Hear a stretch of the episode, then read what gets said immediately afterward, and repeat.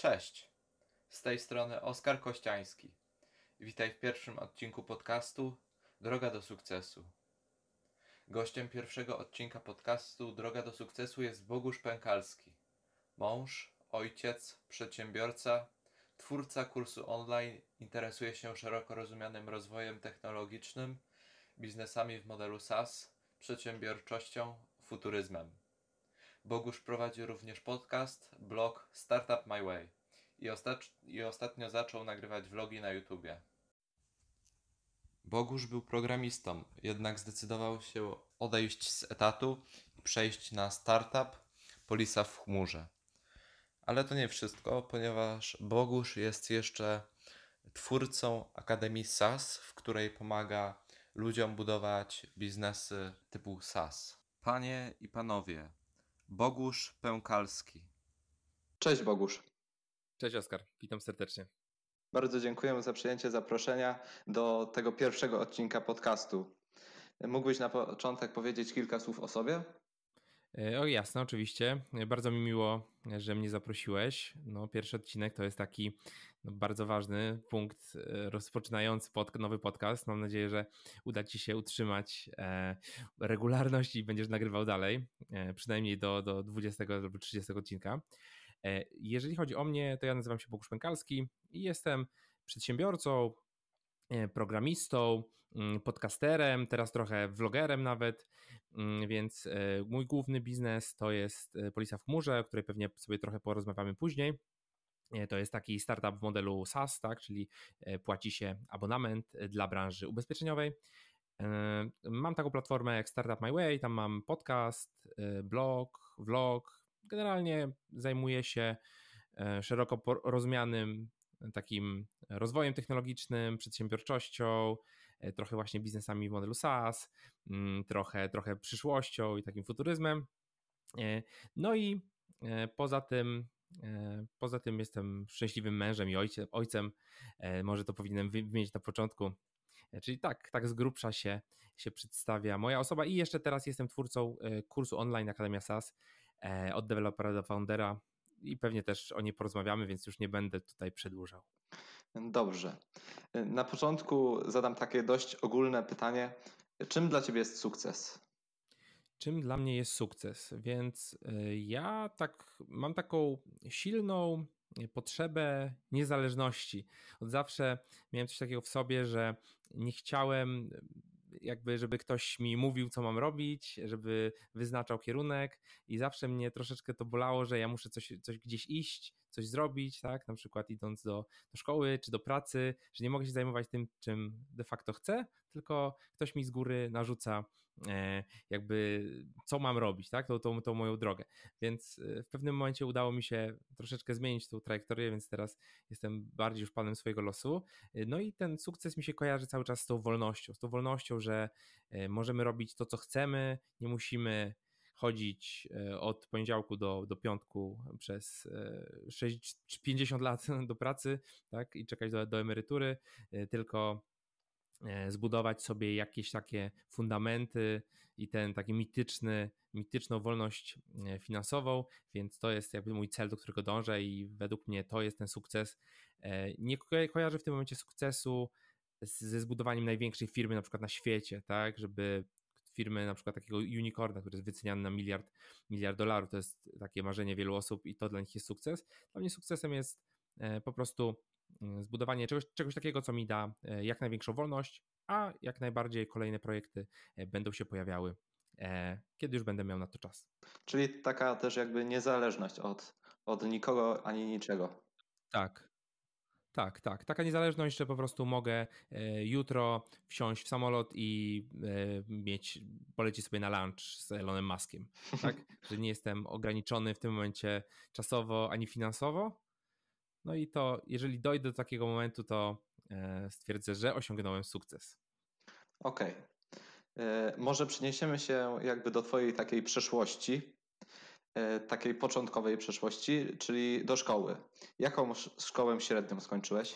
E, ja jestem z Warszawy, e, więc chodziłem tutaj do liceum w Warszawie. Miałem klasę matematyczno-geograficzną. Tą geografią jakoś bardzo związany nie jestem, bardziej z matematyką, mm, ale jakby to nie było, nie było coś, co, co jakby wpłynęło specjalnie na mnie, w sensie ten, ten profil, tak? Ta, ta, ta matematyka oczywiście jest ważna, bo potem, e, potem była mi potrzebna w, w życiu, ale jakby liceum było, nie, nie było niczym takim szczególnym. Rozumiem. A później studia?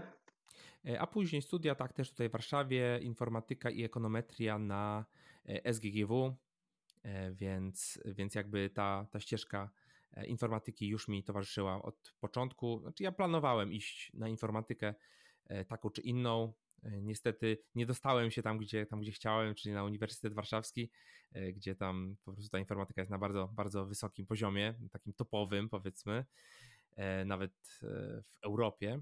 Mm, wielu, wielu takich olimpijczyków informatycznych jest z Uniwersytetu Warszawskiego, ale z drugiej strony jakby nie żałuję, bo moje studia były też bardzo fajne i, i, i polecam każdemu. A jak zacząłeś w ogóle swoją przygodę z programowaniem? Jak zacząłem swoją przygodę? Więc e, u mnie ta przygoda zaczyna się bardzo, bardzo wcześnie, kiedy w wieku około 9 lat dostałem komputer Commodore 64.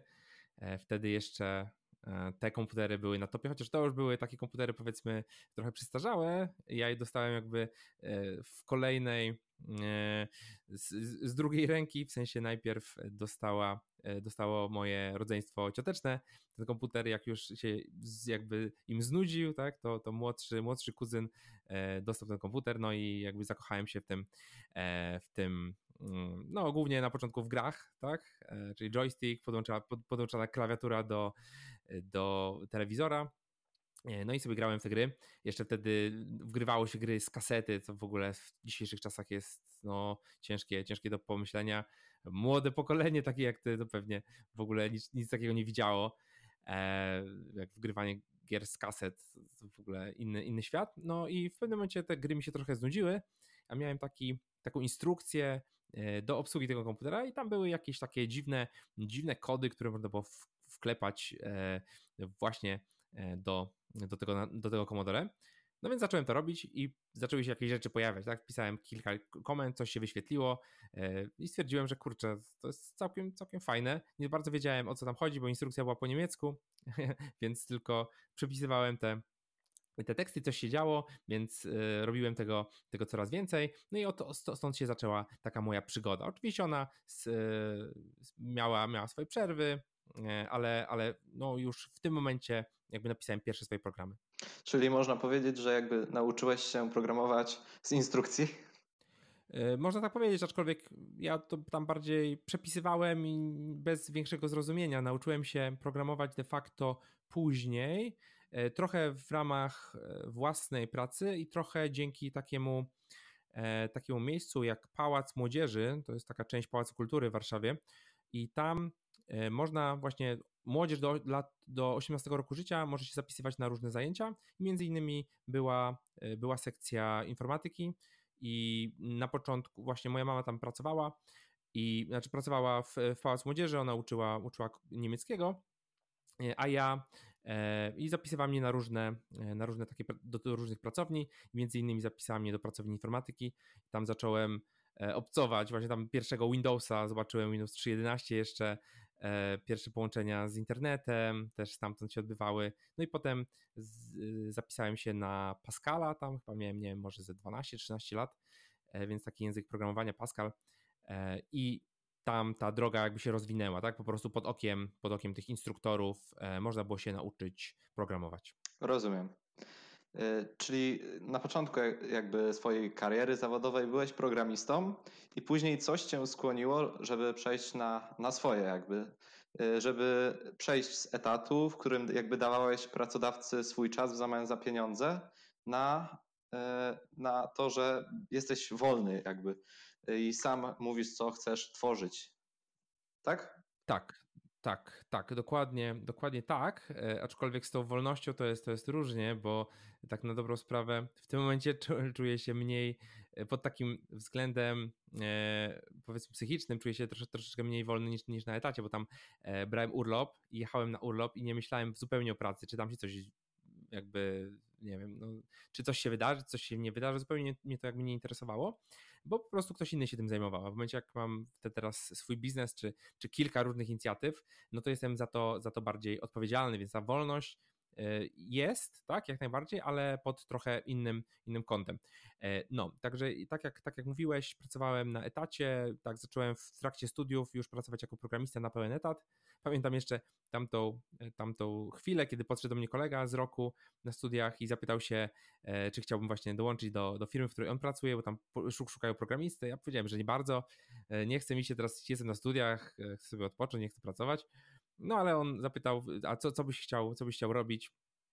Co byś teraz chciał zrobić, e, ale nie masz na to pieniędzy? Ja mówię, no nie wiem, popłynę sobie na rejs na Karaiby.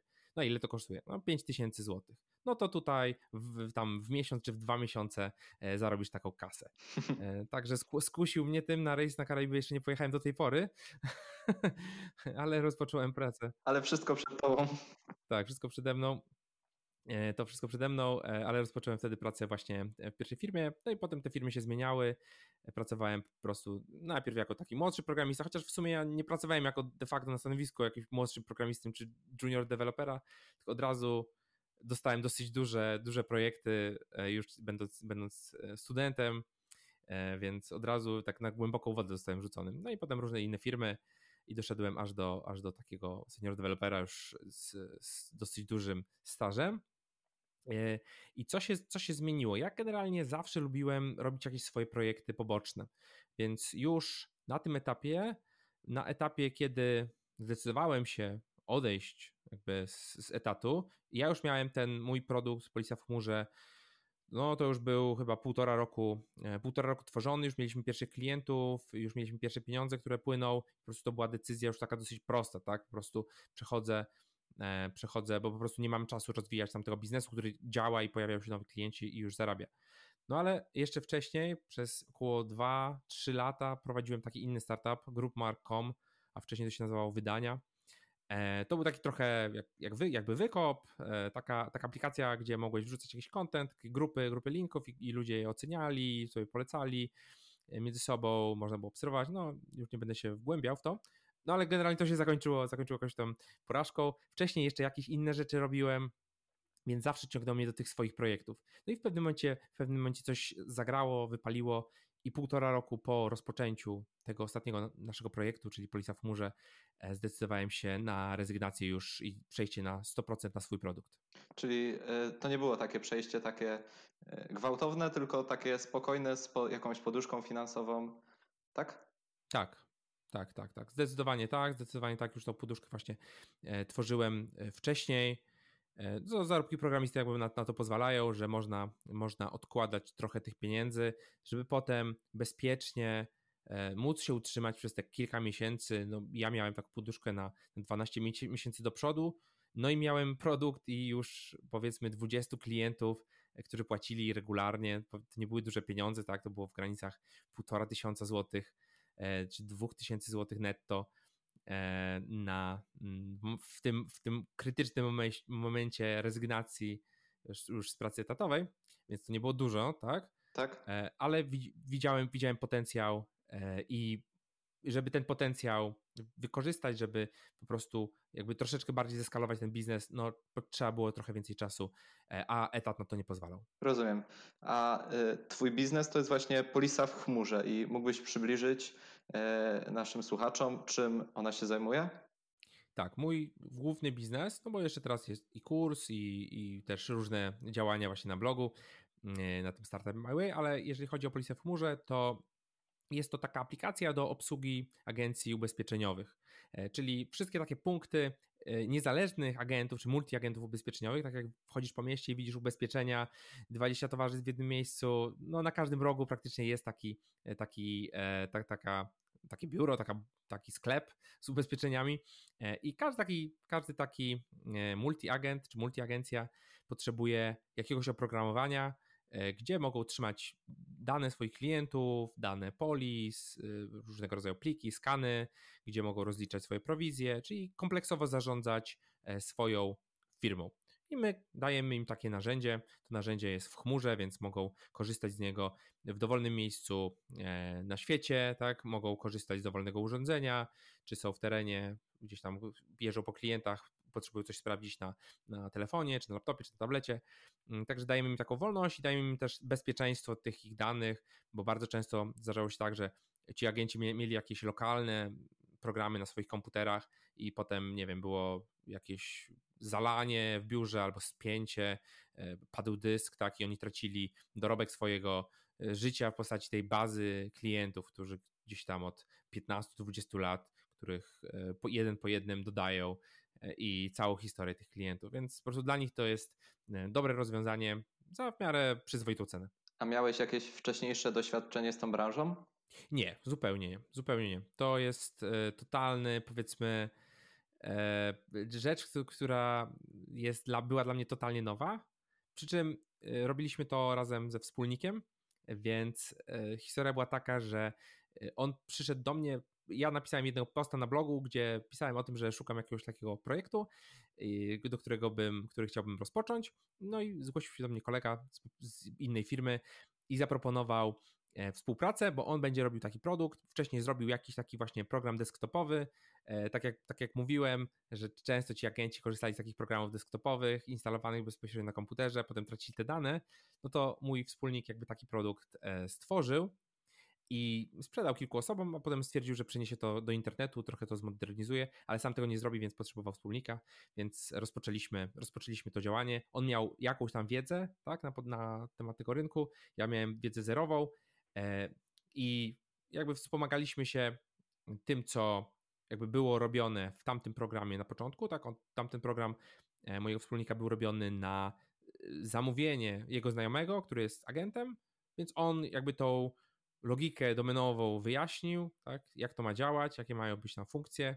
Oczywiście każdy z tych agentów ma trochę inną wizję tego, jak to ma działać, ale jakiś taki core udało się z tego wyciągnąć. No i potem już E, potem już rozpoczęliśmy, rozpoczęliśmy działanie e, i mieliśmy taką bazę, ale wchodziliśmy z zerową wiedzą domenową. A jakiegoś inwestora macie? Nie, nie. Robimy to w 100% z własnych środków, więc jesteśmy całkowitymi udziałowcami. E, nie mamy inwestora i na razie nie, rozważa, nie rozważamy wejścia inwestora, bo inwestor jest po prostu dodatkowym wspólnikiem. No a teraz nie chcemy dodatkowego wspólnika brać. Rozumiem. A ile osób jakby u Was z Wami współpracuje? E, znaczy jest nas generalnie dwóch, plus mamy o, różnych współpracowników od różnych rzeczy. Znaczy nie, nie mówię tu już o biurze księgowym, tak, bo to taki, taki standard. E, mamy, mamy osoby, mamy jednego dewelopera, który ta, też nam pomaga. E, też moja, ja mam taką wirtualną asystentkę, która też nam pomaga w różnych rzeczach, na przykład w ogarnianiu, nie wiem, social mediów. E, i w zasadzie jeszcze współpracujemy z prawnikiem, więc to są takie bardziej rzeczy e, z doskoku niż e, jacyś stali współpracownicy, więc ten core cały czas jest dwuosobowy. Rozumiem. E, a jak pozyskaliście pierwszych klientów? Pierwszych klientów pozyskaliśmy w taki sposób, że w momencie, kiedy rozpoczęliśmy już ten development, powiedzmy, spotkaliśmy się, ustaliliśmy, jak to wszystko ma wyglądać, jak to ma działać, no i zaczęliśmy kodowanie, tak? No wiadomo, trzeba troszkę, trochę czasu na to poświęcić, żeby w ogóle ktoś mógł to zobaczyć, no bo nie będziemy wpuszczać człowieka, jak, jak nic tam nie ma, a nie, nie chcieliśmy, znaczy nie musieliśmy też weryfikować tego pomysłu, bo wiedzieliśmy, że ten pomysł już e, działa, jakby było to sprawdzone przez tą aplikację wcześniejszą, tą desktopową, więc od razu mogliśmy przystąpić do kodowania i do budowania z drugiej strony takiego jakiegoś hypu, w sensie jakiejś takiej e, zaczę, zaczęliśmy informować rynek o tym, że coś takiego powstaje. Czyli postawiliśmy landing page'a, czy jakąś stronę, gdzie były podstawowe informacje o naszym produkcie. E, na początku to były bardzo podstawowe, nie mieliśmy loga, mieliśmy tylko nazwę Policja w chmurze, bo po prostu mieliśmy zarezerwowaną taką do, domenę. E, były bardzo podstawowe informacje i był tak zwany call to action, czyli zostaw swojego maila, wyślemy ci zaproszenie na darmowe testy. No i na, tą, na tego naszego landing page'a skierowaliśmy trochę płatnego ruchu, jakieś reklamy facebookowe, reklamy Google'a, więc tam zaczęli pojawiać się ludzie, zaczęli zostawić, zostawiać te adresy e-mail, no i zaczęliśmy budować taką bazę, bazę potencjalnych klientów. I jak ktoś zostawiał e-mail, to od, odpisywaliśmy mu, że dziękujemy za E, za zostawienie e, swojego adresu. E, aplikacja jeszcze nie istnieje, ale czym, czy, czy, w czym mogła być ta aplikacja pomóc, planujemy takie i takie funkcje, więc już zaczynaliśmy taką rozmowę z potencjalnym klientem i później w momencie, kiedy już udostępniliśmy po kilku miesiącach taką pierwszą wersję. Ona była jeszcze zupełnie zamknięta. Ona była tylko dla, e, dla użytkowników, którym my ręcznie założymy konto. Tak, nie było możliwości rejestracji i tak dalej, nie było to otwarte. Więc tym użytkownikom, którzy nam zaufali, zostawili nam swój adres e-mail. Mm, rozesłaliśmy darmowe zaproszenia, założyliśmy dla każdego darmowe konto i oni zaczęli, zaczęli część z nich oczywiście e, zaczęła coś robić na aplikacji. I jeden z tych, y, z tych osób, jedna z tych osób, e, pani, rozpoczęła pracę taką produkcyjną, czyli po prostu zaczęła wprowadzać tam prawdziwe dane swoich klientów, te polisy, e, jakieś dodawać pliki, pracować jakby prawie codziennie z naszą aplikacją i to był nasz pierwszy klient, e, pierwszy klient, który po prostu przedłużył abonament. No i właśnie dosłownie kilka dni temu też zobaczyłem, że, że, że już w naszym systemie odnotowaliśmy płatność za kolejny rok, czyli to będzie już pewnie trzeci rok tej osoby E, na naszej platformie. Czyli to jest e, pierwszy klient, którego nadal macie. Tak, to jest pierwszy klient, którego nadal mamy. Myślę, że z tej e, garstki osób, które dołączyły na samym początku, tak z połowa pozostała. Myślę, że to też świadczy dużo jakby o, o startupie, że, że ludzie zostają, a nie odchodzą do konkurencji na przykład. Tak, tutaj jest ciekawe to, że w tym biznesie jest dosyć ciężko pozyskać nową osobę, bo wiąże się to e, po pierwsze z zaufaniem, ta osoba musi zaufać, e, że ta aplikacja spełni jej wymagania, że nikt nie, nie ukradnie jej tej bazy danych, bo te, te bazy tych klientów to są, to są skarby dla, dla, naszych, dla naszych klientów, bo oni po prostu zarabiają na prowizji, tak? Po prostu sprzedają, pomagają e, osobom takim kowalskim dobierać polisy, tamta, tamta osoba nie musi się martwić, y, bo nie, że nie zna tego rynku. E, taki agent ci pomaga i po prostu popiera prowizję za to, że kupiłeś u niego, a nie bezpośrednio w towarzystwie. Więc jak ktoś przej, prze, tam są takie walki między tymi agentami, że jedni przejmują bazy drugich, e, pracownicy wynoszą te bazy, więc są różne takie rzeczy.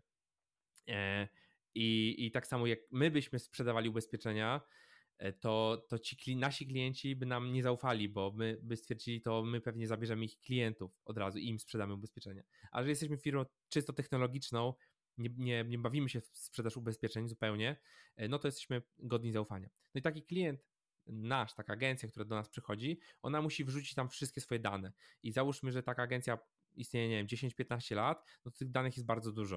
Więc jeżeli oni chcą przerzucić całą bazę klientów tam, a nie mają tego na przykład w jakiejś prostej wersji elektronicznej typu Excel, bo jeżeli mają w Excelu, to nie ma problemu, importujemy na raz to wszystko, no to muszą to, to wklepywać, tak nie, nie jest takie proste, więc próg wejścia jest dosyć duży, ale z drugiej strony próg wyjścia jest duży, bo jeżeli im pasuje ten produkt, to oni nie będą go opuszczać, bo, bo, bo, nie ma sensu, tak? Żeby znowu przechodzić przez ten horror przenoszenia danych, tu znowu to zaufanie i tak, i tak dalej. Więc jak już pozyskamy klienta, to i on zacznie faktycznie pracować na tym i to mu odpowiada, no to on prawdopodobnie zostanie na no przynajmniej kilka lat. A teraz jak pozyskujecie nowych klientów poprzez na przykład jakieś reklamy na Facebooku? E, między innymi, między innymi bardzo dużo klientów przychodzi z polecenia. Czyli im więcej mamy klientów i im więcej dajemy im wartości, tym oni nas chętniej polecają. E, więc też się chcą tak trochę pochwalić, że o, ja korzystam z takiego nowoczesnego narzędzia, fajny produkt, mogę robić to, mogę robić tamto, mogę robić tamto, zobacz, zobacz, nie? I tamta osoba po prostu, na przykład drugi agent patrzy, o, fajne, fajne, to może ja też się zainteresuję. Mm, bo tutaj właśnie to, co mówiłem o zaufaniu, tu jest też bardzo ważne to, że e, jak druga, drugi, nie wiem, kolega ci coś poleca, on z tego korzysta, to ty bardziej mu ufasz niż jak zobaczysz reklamę. Bo reklama to nie wiadomo, kto tą reklamę wrzuca. A jak ufasz drugiej osobie i ona korzysta, jest zadowolona, no to prawdopodobnie e, no ona ma na ciebie dużo większy wpływ. Więc te polecenia bardzo dobrze tutaj działają. Dużo osób mamy z poleceń. E, no i jeszcze e, właśnie Facebook, przy czym Facebook bardzo fajnie nam zadziałały grupy na Facebooku.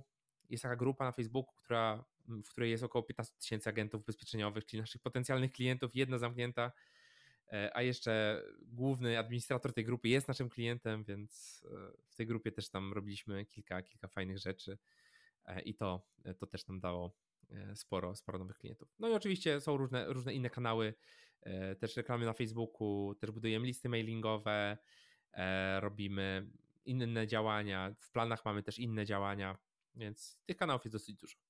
A jakieś popełniliście błędy pod, podczas właśnie budowania tego startupu? Czy wszystko było tak gładko i bezbłędnie i nic byście nie zmienili, gdybyście mieli taką możliwość?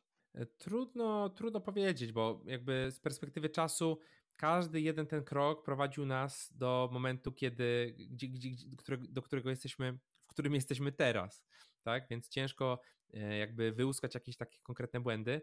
Mm, na pewno nie popełniliśmy jakichś takich kardynalnych, totalnych błędów, które by jakby zatopiły firmę, no bo firma cały czas istnieje, tak? Powiedzmy, nie zrobiliśmy błędu typu bierzemy inwestora, e, wydajemy jego pieniądze w trzy miesiące i zamykamy firmę, bo nie mamy przychodów, a pieniędzy już nie ma, tak? Więc tego typu błędów nie, nie popełniliśmy. Na pewno wydaje mi się, e, z perspektywy czasu działałbym, działałbym troszeczkę inaczej. E, takim mm, trochę błędem było to, że często dawaliśmy trochę za dużo władzy naszym użytkownikom. Więc chcieliśmy za wszelką cenę pozyskać jakiegoś użytkownika, żeby został naszym klientem, zapłacił, e, a on mówił, no wszystko jest fajnie, ale nie ma tego, tego i tego i tego. No to mówimy, no to my to dorobimy. I dla kilku klientów po prostu dorabialiśmy jakieś konkretne funkcje. Dla jednego klienta nawet e, przestawiliśmy układ okienek na jednym, na jednym ekranie. E, przy nie mieliśmy takiej konfiguracji, więc to było na zasadzie, jeżeli ten klient to wyświetl tak, jeżeli inny to wyświetl tak. Co jakby zrobiło, zrobiło trochę chaosu. E, ale klienta pozyskaliśmy, tak? Więc pamiętajmy, że na, na początku e, jakby drogi takiego startupu czy biznesu w zasadzie każdego jest no najważniejsza jest ta sprzedaż, pozyskanie klientów, bo to ci da e, pieniądze, żeby motywację, żeby działać dalej i pieniądze, żeby, żeby po prostu przeżyć i rozwijać ten biznes E, jakby ku, e, ku jeszcze większemu e, przedsięwzięciu. A jakby teraz przenieśmy się trochę z startupu na bardziej Twoje życie. Czyli jakie były Twoje największe sukcesy i jakie były Twoje największe porażki w życiu? Czy takie były? To jest też takie pytanie, które, na które można każdego dnia odpowiadać trochę inaczej. Ja tak sobie myślałem, jakie były moje największe sukcesy, i myślę cały czas, że tym największym, znaczy oczywiście te największe sukcesy myślę, że będą dużo później, ale na chwilę obecną to był ten moment odejścia już całkowitego z pracy takiej etatowej, gdzie przeliczamy bezpośrednio czas na godziny, bo ja z każdym dniem widzę, że to po prostu e, tamten model nie do końca, nie do końca dobrze działa, bo e, każdy nasz dzień jest w sumie nie prowadzi nas do jakiegoś większego celu. A tutaj każdy mój dzień spędzony przy pracy z klientami, przy pracy nad produktem, przy zbudowaniu społeczności, co robię na przykład nagrywając sobie podcast, czy nagrywając swój podcast, czy vloga, e, każdy taki, każda taka cegiełka procentuje później. Tak? Czyli to, co ja robię dzisiaj, to za rok, dwa lata będzie mi bardzo procentowało. Tak? Pojawiają się osoby, które e, po pierwsze nasi klienci, którzy są z nami cały czas. E, mało klientów odchodzi, coraz więcej klientów przychodzi. E, budujemy coraz lepszą pozycję rynkową, więc pojawiają się bardzo ciekawe propozycje. Teraz e, właśnie jesteśmy w trakcie realizacji jednej z takich propozycji, która, która da nam dosyć dużo, duży strzał kapitału, a jednocześnie nie pozbawi nas ani władzy, ani udziałów. Tak, więc to jest naprawdę coś, czego się nie spodziewałem, że w ogóle że w ogóle coś takiego jest, jest, jest możliwe.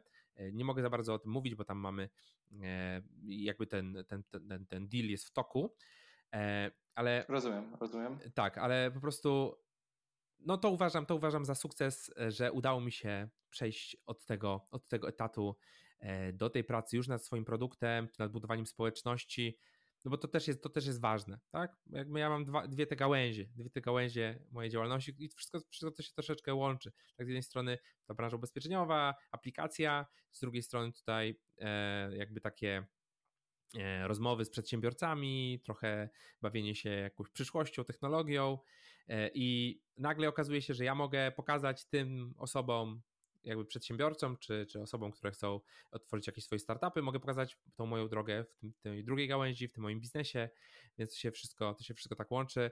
E, a nie byłoby to możliwe, gdybym po prostu nie odzyskał tylko czasu, który poświęcałem e, na pracę e, etatową plus dojazdy, tak, no to, to jest powiedzmy 9-10 godzin dziennie przynajmniej przez 5 dni w tygodniu, to jest 50 godzin, godzin w tygodniu. Byłem w stanie, byłem w stanie to odzyskać. A jeżeli chodzi o porażki, nie widzę jakiejś takiej spektakularnej porażki w moim życiu do tej pory. E, nie, nie miałem jakichś takich rzeczy, gdzie siedziałem i się zamartwiałem, co to, jakby co dalej robić. E, jakby no, nie byłem w takim, w, takim, takim momencie jeszcze. Mam nadzieję, że ten moment nie nadejdzie.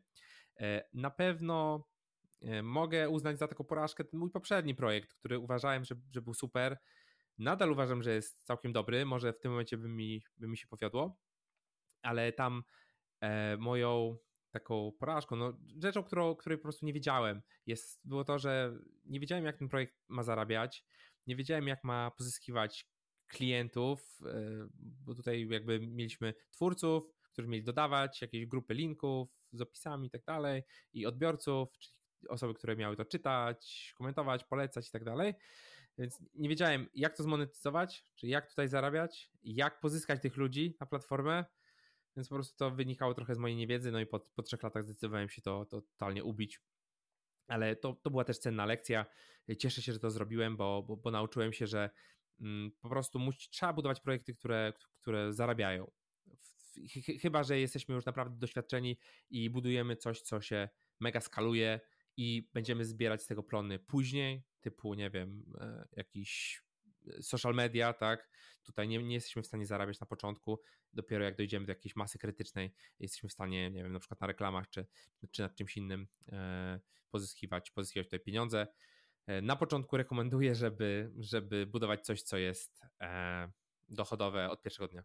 Czyli jakby monetyzacja danego przedsięwzięcia i klienci to takie dwa fundamenty, na których można oprzeć startup czy jakikolwiek biznes. Tak, tak, tak. Oczywiście no, są pewnego rodzaju typy biznesów, yy, gdzie jakby przez to, że budujemy innowacje i ludzie nie są na to przygotowani, często ludzie nie wiedzą, czy nawet tego chcą, tak? Yy, no to jesteśmy, jest tutaj problem tego typu, że chcemy coś zmienić i na początku klienci nie przyjdą albo przyjdzie ich bardzo mało, e, więc jeżeli budujemy coś takiego naprawdę faktycznie innowacyjnego, to możemy potrzebować tych nakładów kapitałowych, e, żeby, żeby coś takiego w ogóle sfinalizować, żeby zbudować jakieś takie rozwiązanie. E, ale to polecam robić później, jak już mamy doświadczenie, mamy coś, co działa, coś, coś, co przynosi pieniądze i część tych pieniędzy przekierować do tych innowacyjnych biznesów, ewentualnie wspomóc się wtedy inwestycją ale jak najbardziej, jeżeli chodzi o to pierwsze biznesy, no to, to klienci. Klienci, sprzedaż, bo sprzedaż ci robi wszystko. Bez sprzedaży nie, nie ma nic dalej. Bez sprzedaży rzucisz pracę, nie masz sprzedaży, nie masz klientów, to wracasz, wracasz z powrotem e, do pracy, bo po prostu nie masz się z czego utrzymać. I jednocześnie twój produkt cierpi, bo jak nie masz pieniędzy, no to nie masz, nie możesz albo ty pracować nad produktem, albo nie możesz kogoś zatrudnić, więc sprzedaż, sprzedaż, sprzedaż i wszystko inne idzie mm, w krok za sprzedażą. A jaka jest najważniejsza lekcja, jaką przeszłość cię jakby nauczyła? Mm, też się nad tym zastanawiałem i jakoś nie myślałem wcześniej w takich kategoriach, że e, nauczyłem się, no na pewno to, co przed chwilą mówiłem, tak, że, że tutaj ci klienci i ta sprzedaż jest kluczowa w biznesie. I kluczowa jest na pewno, kluczowe są na pewno też relacje, żeby mieć dobre relacje z tymi ludźmi, że pamiętajmy, że to wszystko e, są takie transakcje między ludźmi, tak? Ludzie kupują od ludzi, więc jeżeli ja jestem jakąś tam twarzą e, mojego, mojego biznesu, to jeżeli ja przekonam daną osobę do kupna, to, to ona kupi ode mnie, dlatego że ja jestem, ja jestem jakby na froncie, tak? Ona kupuje ode mnie.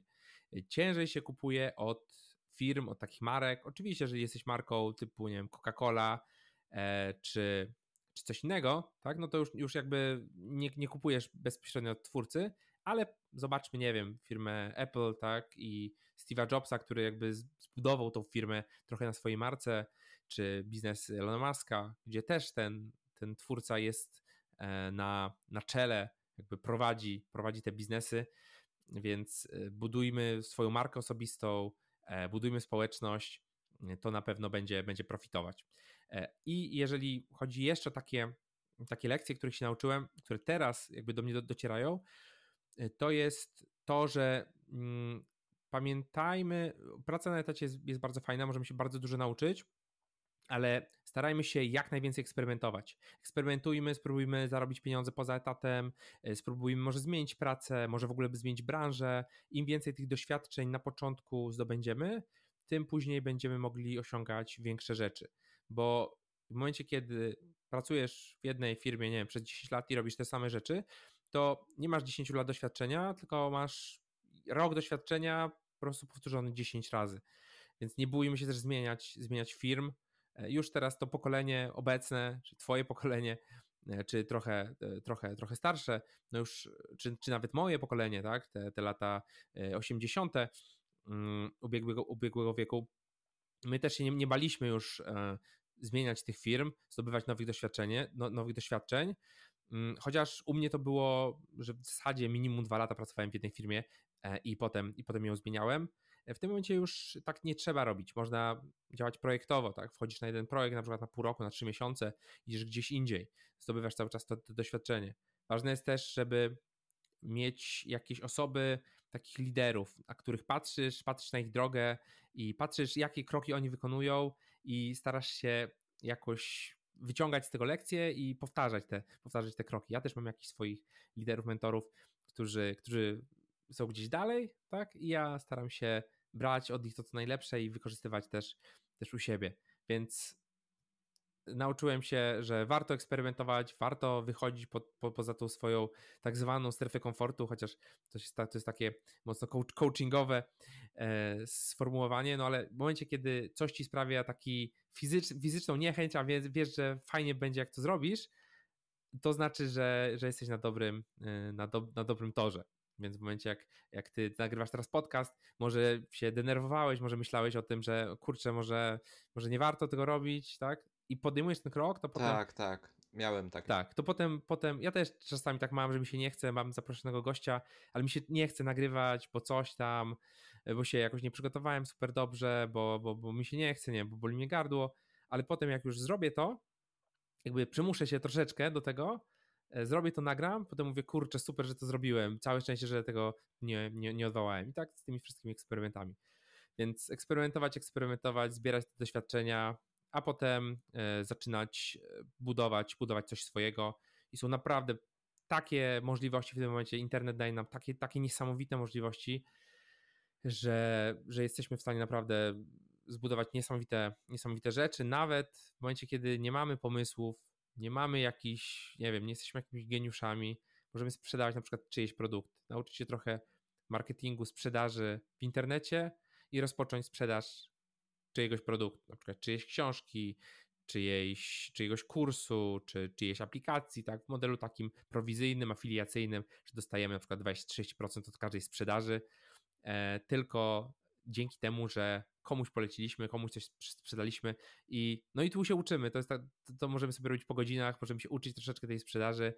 E, oczywiście ja mówię o takiej sprzedaży, która jakby daje wartość drugiej stronie, bo nie mówię tutaj o wciskaniu komuś na siłę czegoś, czego on nie potrzebuje, tylko o znalezieniu, znalezieniu tego dopasowania produkt, który sprzedaje do osoby, która potrzebuje tego produktu. Jeżeli połączymy te dwie rzeczy, no to E, my jesteśmy zadowoleni, bo zarabiamy, klient jest zadowolony, bo znalazł rozwiązanie swojego problemu, e, więc e, wszystko, wszystko jest ok. Jesteśmy jak najbardziej tutaj moralnymi sprzedawcami.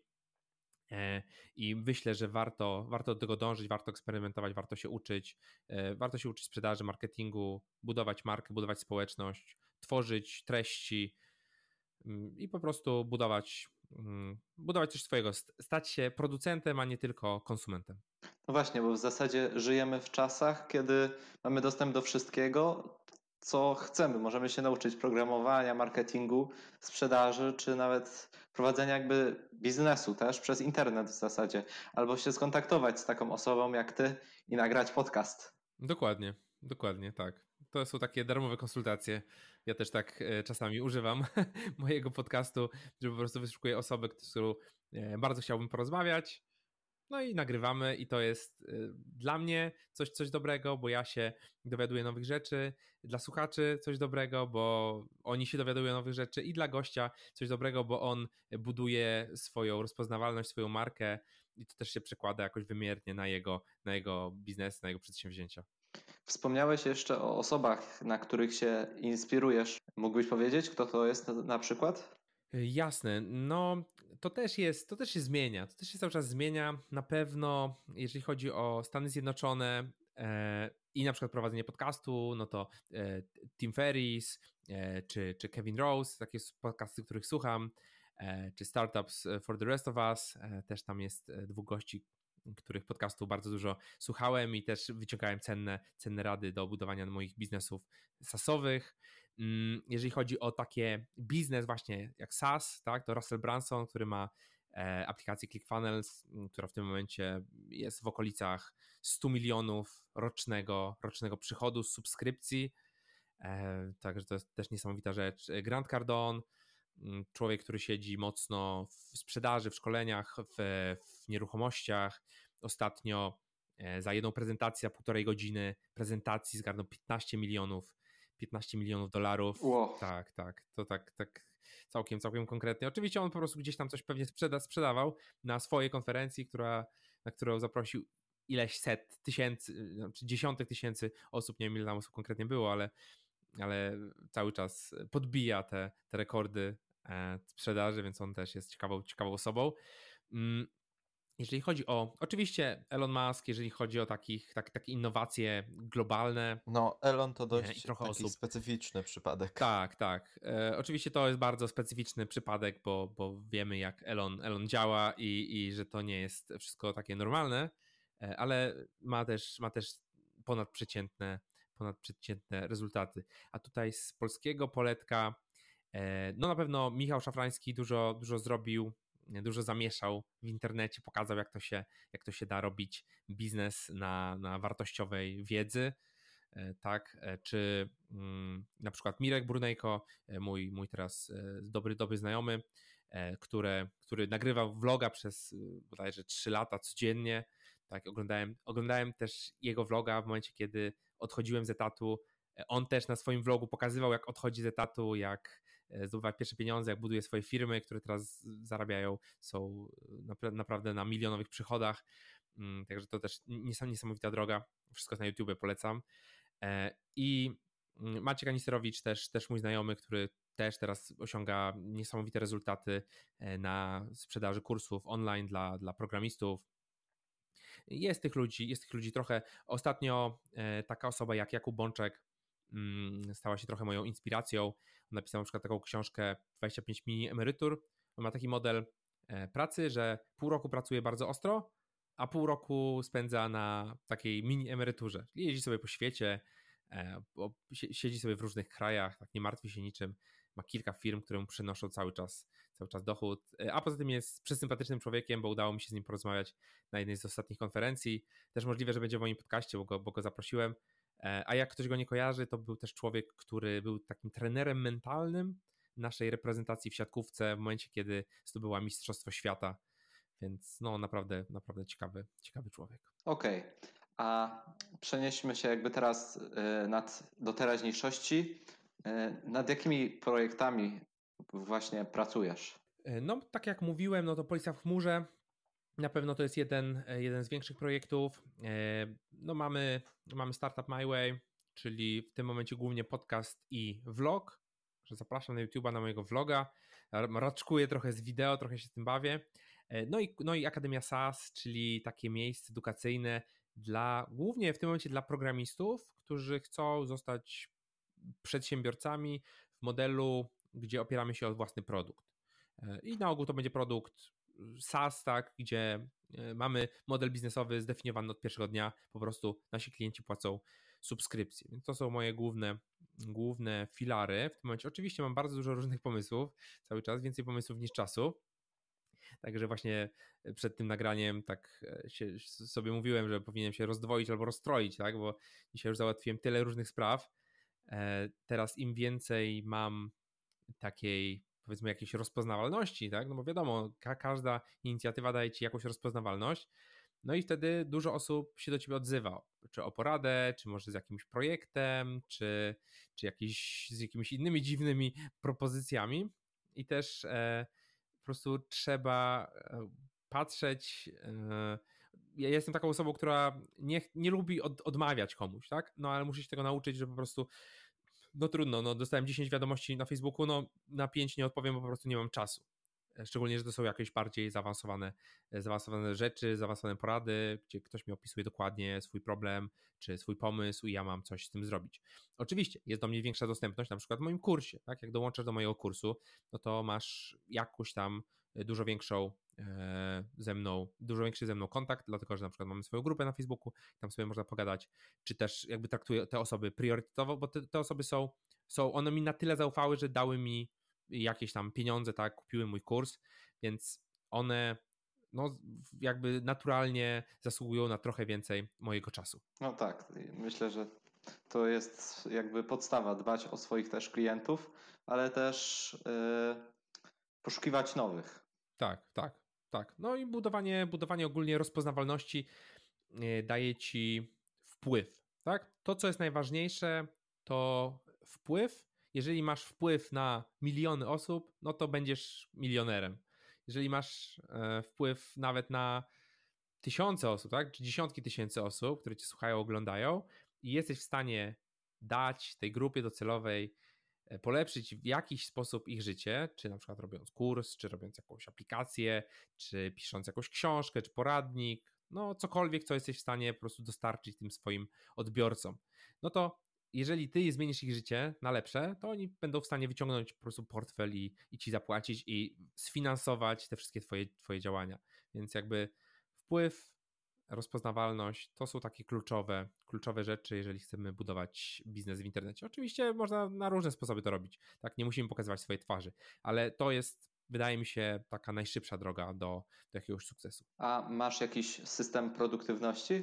E, tak, jak najbardziej. Jak najbardziej właśnie jestem teraz e, w momencie przejścia z Wunderlista e, na, na Nozbi i, i właśnie, właśnie głównie opieram, opieram swoją produktywność o Getting Things Done, tak, metoda Davida, Davida, Davida Allena, tak, bardzo znana, bardzo znana, bardzo dobrze działająca, polecam każdemu, więc po prostu wszystko, co wpada do mojej głowy, wpada, wpada do mojego, do mojego systemu, czy to było wcześniej w Wunderliście, teraz jest Nozbi, potem to jest, e, potem to jest e, jakby dzielone na, dzielone na projekty, wyznaczane są kolejne, kolejne zadania, to co jest potrzeba wpisać jakby na konkretną datę, to jest wpisywane, żeby to wszystko działało. I jakby ja mam oczyszczoną pustą głowę, jestem w stanie po prostu w każdym momencie wejść do takiego systemu i sobie zobaczyć.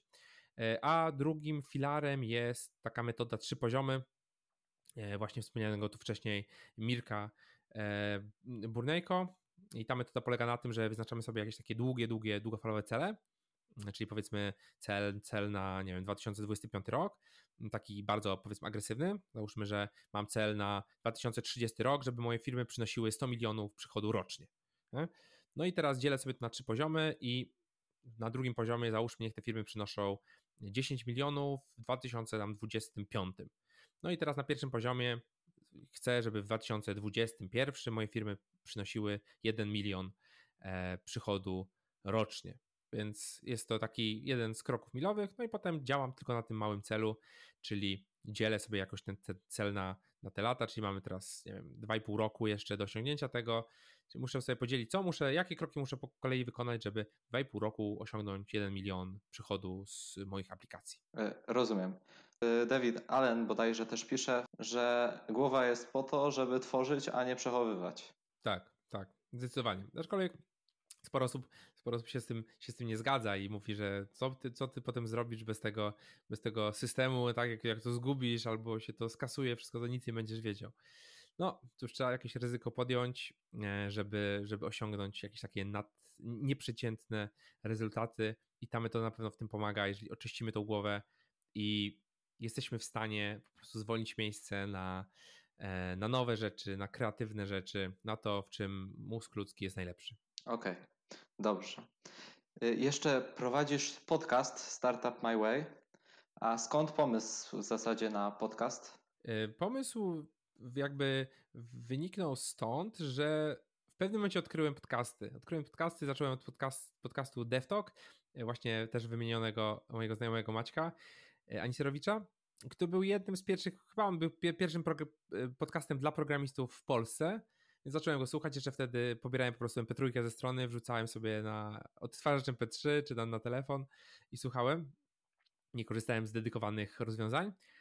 E, no i mi się to spodobało. Zacząłem słuchać jeden odcinek za drugim, trzecim, czwartym i tak dalej. I potem zacząłem słuchać innych podcastów Michała Szafrańskiego e, i zacząłem słuchać Pataflina, tak, amerykańskich podcasterów. Bardzo mi się to spodobało i stwierdziłem, że e, ja mam tak, że jak mi się coś podoba i konsumuję, konsumuję, to potem chcę zrobić to sam, tak? Tak na przykład oglądałem vloga, konsumowałem, konsumowałem, stwierdziłem, że to ja zrobię teraz sam, tak? To tak samo było z podcastem, więc stwierdziłem, że zrobię sam. Ja sobie do tych gości wyjdę, ja sobie ponagrywam. No i jak, jak powiedziałem, tak zrobiłem. To było też takie przedłużenie tego mojego bloga, bo w pewnym momencie po prostu przestałem regularnie pisać, bo było to dla mnie dosyć takie trudne. E, bardzo dużo czasu mi to zajmowało. Wychodziły całkiem fajne teksty, przy czym koszt tego czasu był naprawdę no, duży. A jeżeli nagrywamy podcast, no mamy na przykład godzinę, dwie godziny e, nagrania, e, montaż, wrzucenie, ciach, gotowy materiał. Potem można z tego jeszcze artykuły zrobić i w ogóle inne rzeczy. Więc stwierdziłem, że to jest bardzo fajne medium. A ile czasu ci zajmuje e, nagranie podcastu? Ile czasu mi zajmuje? W sensie od pomysłu, z kim nagram, do wydania odcinka? Czy... Tak, tak, tak, tak. Trudno powiedzieć załóżmy, no proces jest taki, tak? Myślę, że chcę kogoś zaprosić, piszę do niego, on się zgadza albo nie. Na ogół się ludzie zgadzają.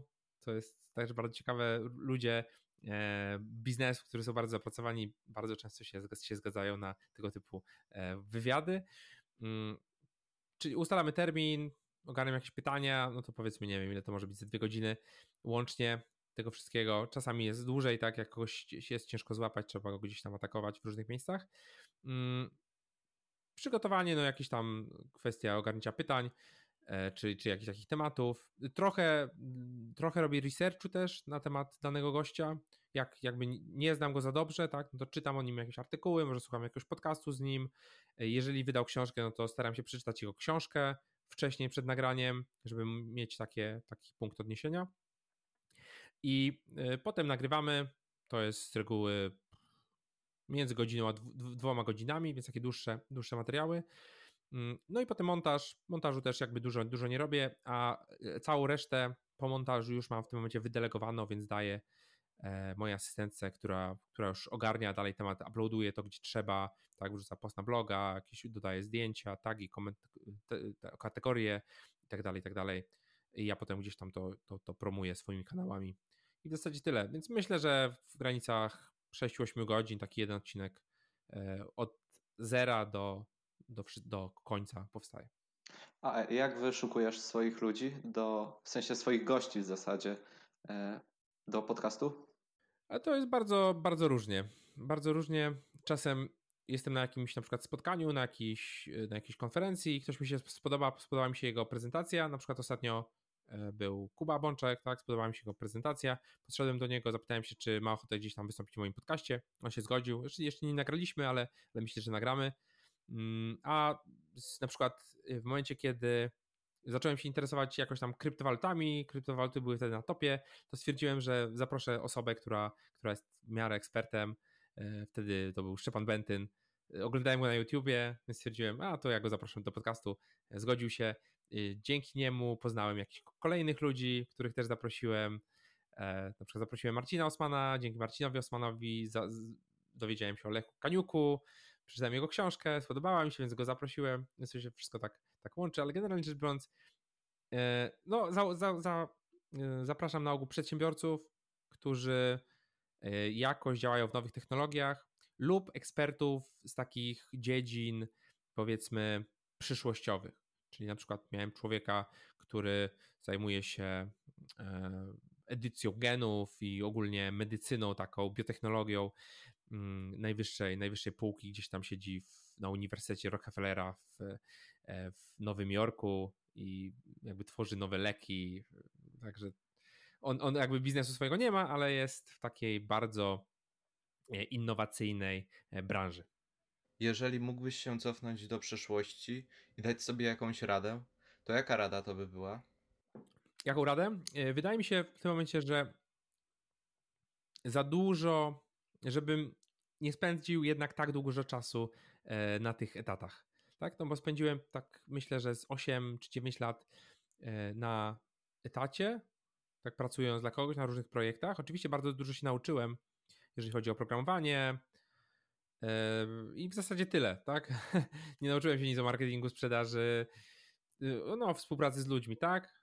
Ok, ale też nie zarządzałem za żadnymi zespołami, więc też nie nauczyłem się tego typu, tego typu rzeczy, więc z perspektywy czasu wydaje mi się, że trochę za dużo czasu siedziałem e, w takim normalnym modelu pracy, bo w momencie, jak widzę teraz moich kolegów, którzy są w moim wieku, e, czyli y, kończą, czy, czy, czy mają teraz około tych 33 lat, e, oni są dużo dalej dlatego że zaczęli wcześniej.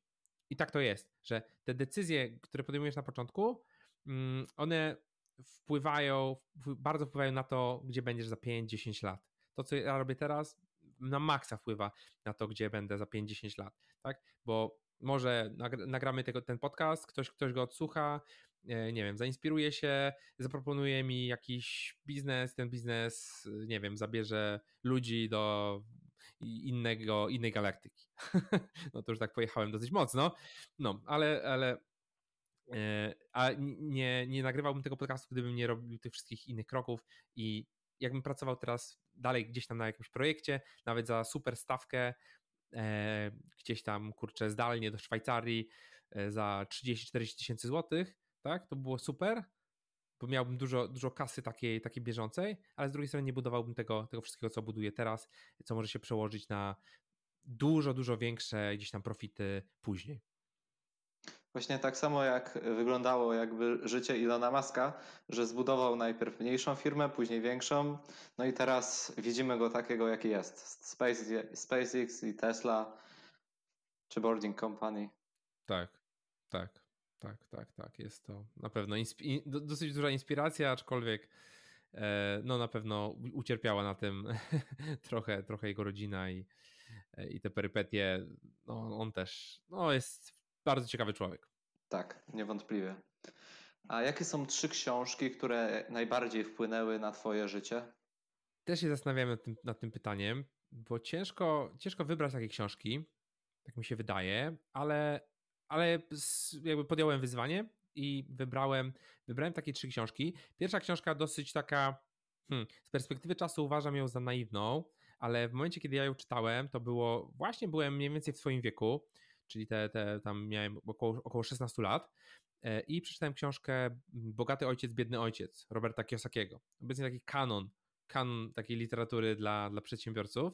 E, z perspektywy czasu ta książka jest no, bardzo naiwna. Ja teraz byłem ostatnio na konferencji, na której był właśnie Robert Kiosaki tutaj w Polsce e, i jakby to, co mówił, to było w zasadzie powtarzanie tego, tego samego, bez żadnych konkretnych rzeczy, powtarzanie ty, tych samych fraz, e, które są w książce enty raz, bez konkretnych wskazówek, jak, jak, jak, jak coś takiego zrobić, ale wtedy, wtedy to zmieniło mój, moje podejście, moje podejście do, do życia, tak? Zobaczyłem, że jest jakiś inny świat gdzieś tam dalej, że to jakby patrząc na, e, na swoją rodzinę, która jednak nie, nie była przedsiębiorcami, tylko pracowała gdzieś tam, gdzieś tam na tych na, na etatach do, e, do emerytury i jakby kultywowała ten, ten model, zobaczyłem, że jest, jest jakiś inny, jest jakiś inny model. Także e, wtedy ta książka była super. Myślę, że w tym momencie, jak to się przeczyta, no, będzie tam sporo, sporo wartości, ale pamiętajmy, że, że jest to dosyć takie naiwne podejście, ale pokazuje pewne koncepty. Jeżeli chodzi o drugą książkę, to będzie to książka taka mniej biznesowa, a mianowicie książka Sapiens e, Yuval Noah Harari. Książka, która obrazuje rozwój gatunku ludzkiego od samego początku do, do czas, czasów obecnych, czy jeszcze, jeszcze są jakieś predykcje na, na przyszłość. Jest to niesamowita historia, która jest bardzo, bardzo ciekawa e, przez po prostu całą, całą ewolucję. E, bardzo polecam, bo otwiera, otwiera mocno oczy. E, oczywiście są, są tam rzeczy, które niektórych mogą tam razić i mogą się ludziom nie podobać, ale generalnie rzecz biorąc, książka godna, godna polecenia i każdy powinien ją przeczytać. Jeżeli chodzi o trzecią książkę, to chciałem wybrać coś takiego aktualnego, co, co przeczytałem teraz. I w sumie miałem inną, to, to powiem dwie książki, powiem dwie książki jeszcze. E, jedną książkę, którą skończyłem i jedną książkę, którą jestem w trakcie i która jest naprawdę bardzo, bardzo dobra w kontekście tego, o czym tutaj mówimy. Pierwsza książka to jest e, David Goggins Can't Hurt Me. To jest książka o człowieku, który jakby wyszedł hmm, z takiej miary patologicznej rodziny, został Navy Sealsem, przeszedł wiele morderczych treningów, został potem ultramaratończykiem. Ta książka pokazuje, jak duży potencjał tkwi w człowieku pod względem takim psychicznym i fizycznym, jak dużo człowiek jest w stanie przejść. Niesamowita historia. E, polecam. Nie wiem, czy jest wersja polska. E, ja to słuchałem w wersji angielskiej na Audible.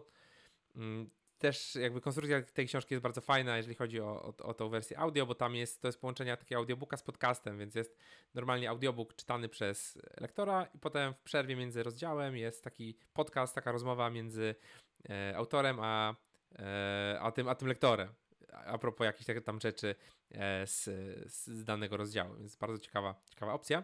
E, a taka książka, którą czytam teraz i jest naprawdę bardzo, bardzo dobra pod względem zmieniania takiego mindsetu, e, jak może wyglądać nasze życie i ten model, model zarabiania. To jest Milioner Fastlane. MJ DeMarco, czy po polsku to się nazywa Fastlane Milionera, czy, czy chyba tak. Ja to również słucham, słucham wersji, wersji angielskiej, też, też w wersji audio.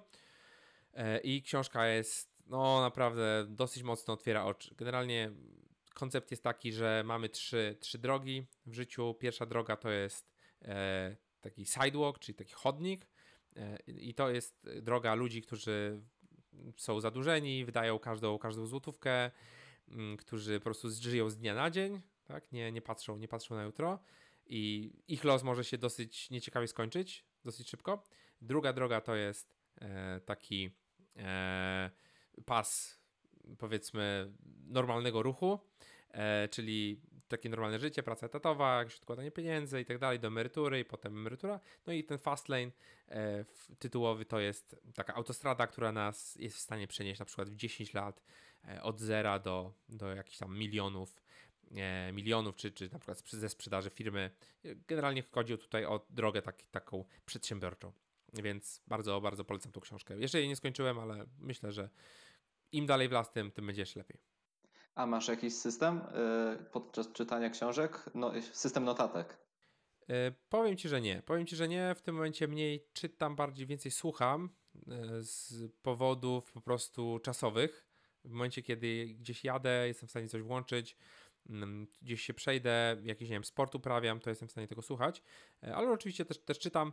Mm, nie robię jakiś, też, jest, też często goście to pytam, ja jakoś nie robię, nie robię specjalnie notatek, robiłem do tego podejścia, gdzie zaznaczałem sobie różne rzeczy w książkach, ale w tym momencie czasami staram się po prostu pewne koncepcje albo e, spisać w trakcie czytania, gdzieś w jakimś osobnym, osobnym miejscu, ewentualnie wdrożyć coś w życie, a teraz mam jeszcze taką możliwość, że mogę to coś przeczytam, tak, i mogę opowiedzieć to w podcaście, czy, czy, czy na vlogu, czy napisać e, tak, taką, taką koncepcję gdzieś tam w social mediach, to też mi, to też mi utrwala jakieś konkretne, konkretne rzeczy.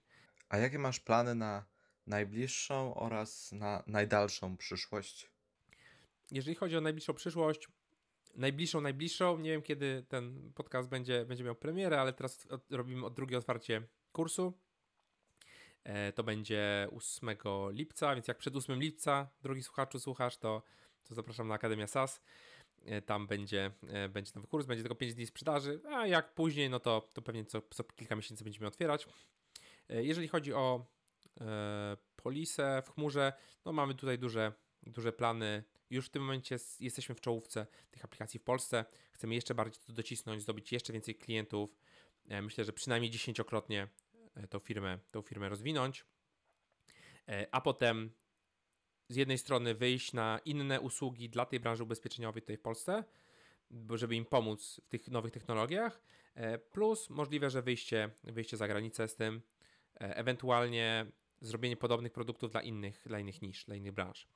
To jest, to jest jedna rzecz. Także kurs, tutaj rozwój, rozwój polisy. No i jeżeli chodzi o podcast, e, vloga, mam nadzieję, że, że będzie wszystko szło dalej do przodu. Podcast na pewno będzie nagrywany. E, nie wiem, czy będzie jakoś super regularnie. Na początku zakładałem co dwa tygodnie, teraz to wychodzi tak bardziej co trzy tygodnie, co miesiąc. E, może czasem częściej, czasem, czasem mniej często. Ale na pewno, na pewno ta ciągłość będzie, bo to jest dla mnie super doświadczenie. Mm, no i są jakieś plany jakichś innych biznesów, gdzieś tam w dalszej przyszłości innych produktów, nie wiem, czy SaaS, czy, czy, czy jakichś mocno innowacyjnych, bo jednak to jest takie moje dążenie, żeby zrobić coś, taką globalną innowację, która gdzieś tam wpłynie na, na, życie, na życie ludzi i polepszy to życie, ale żeby dojść do tego momentu, no to muszę mieć zbudowane pewne fundamenty, które mi dadzą finansowanie e, i doświadczenie na te większe projekty. Okej. Okay. A jaki jest cel twój, w zasadzie taki życiowy cel? Czy masz? No przede wszystkim, tak jak mówiliśmy wcześniej, to jest ta, ta, ta wolność, ta wolność od jakby zmartwień na temat pieniędzy, tak? Że mamy tych pieniędzy tyle, że, że mogę zrobić w tym momencie wszystko, tak? Mogę wsiąść w samolot i polecieć gdzieś na powiedzmy, nie wiem, dowolną ilość czasu, tak? Jeżeli chodzi o, chodzi o względ, wzgląd finansowy, tak? Że mnie po prostu stać na to. E, a z drugiej strony e, z drugiej strony właśnie taka, taka niezależność, e, przy czym mogą nie być przychodowe na samym początku. Czyli powiedzmy, rozpoczęłam nowy projekt i okazuje się, że przez dwa pierwsze lata on nie ma szans nic zarabiać i ja jestem w stanie to sfinansować. No i dodatkowo jakaś taka, taka pomoc, ogólnie dzielenie się tą swoją wiedzą, pomoc ludziom, czy po, pomoc rozwój tej przedsiębiorczości, pokazywanie tych swoich działań, tej swojej drogi, to mi też przynosi dużo, dużo satysfakcji e, i przynosi też dużo wartości, więc dawanie, dawanie tego typu wartości gdzieś tam dla, dla społeczeństw i pokazywanie, że się da zrobić różne rzeczy, e, to też jest coś, co, co jest dla mnie, dla mnie ważne. Okej. Okay. No to e, chciałbym Ci bardzo podziękować jeszcze raz za to, że znalazłeś czas i chęci na nagranie podcastu. Dziękuję serdecznie za zaproszenie.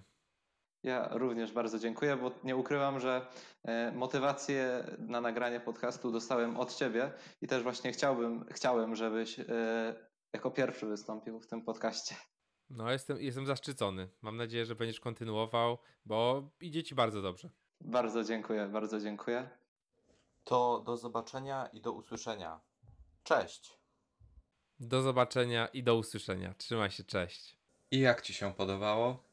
Napisz koniecznie w komentarzu, co myślisz o pierwszym odcinku tego podcastu. Notatki do tego odcinka umieszczone są na stronie drogadosukcesu.pl. Sukcesu przez 2S. Jednak na razie strona internetowa jest niedostępna, dlatego że jest y, na razie w fazie tworzenia. Jednak kiedy będzie już stworzona i będzie można na nią wchodzić, no to powiem o tym oczywiście w podcaście oraz na mediach społecznościowych. Dzięki za poświęcony czas i do usłyszenia w kolejnym odcinku podcastu Droga do sukcesu.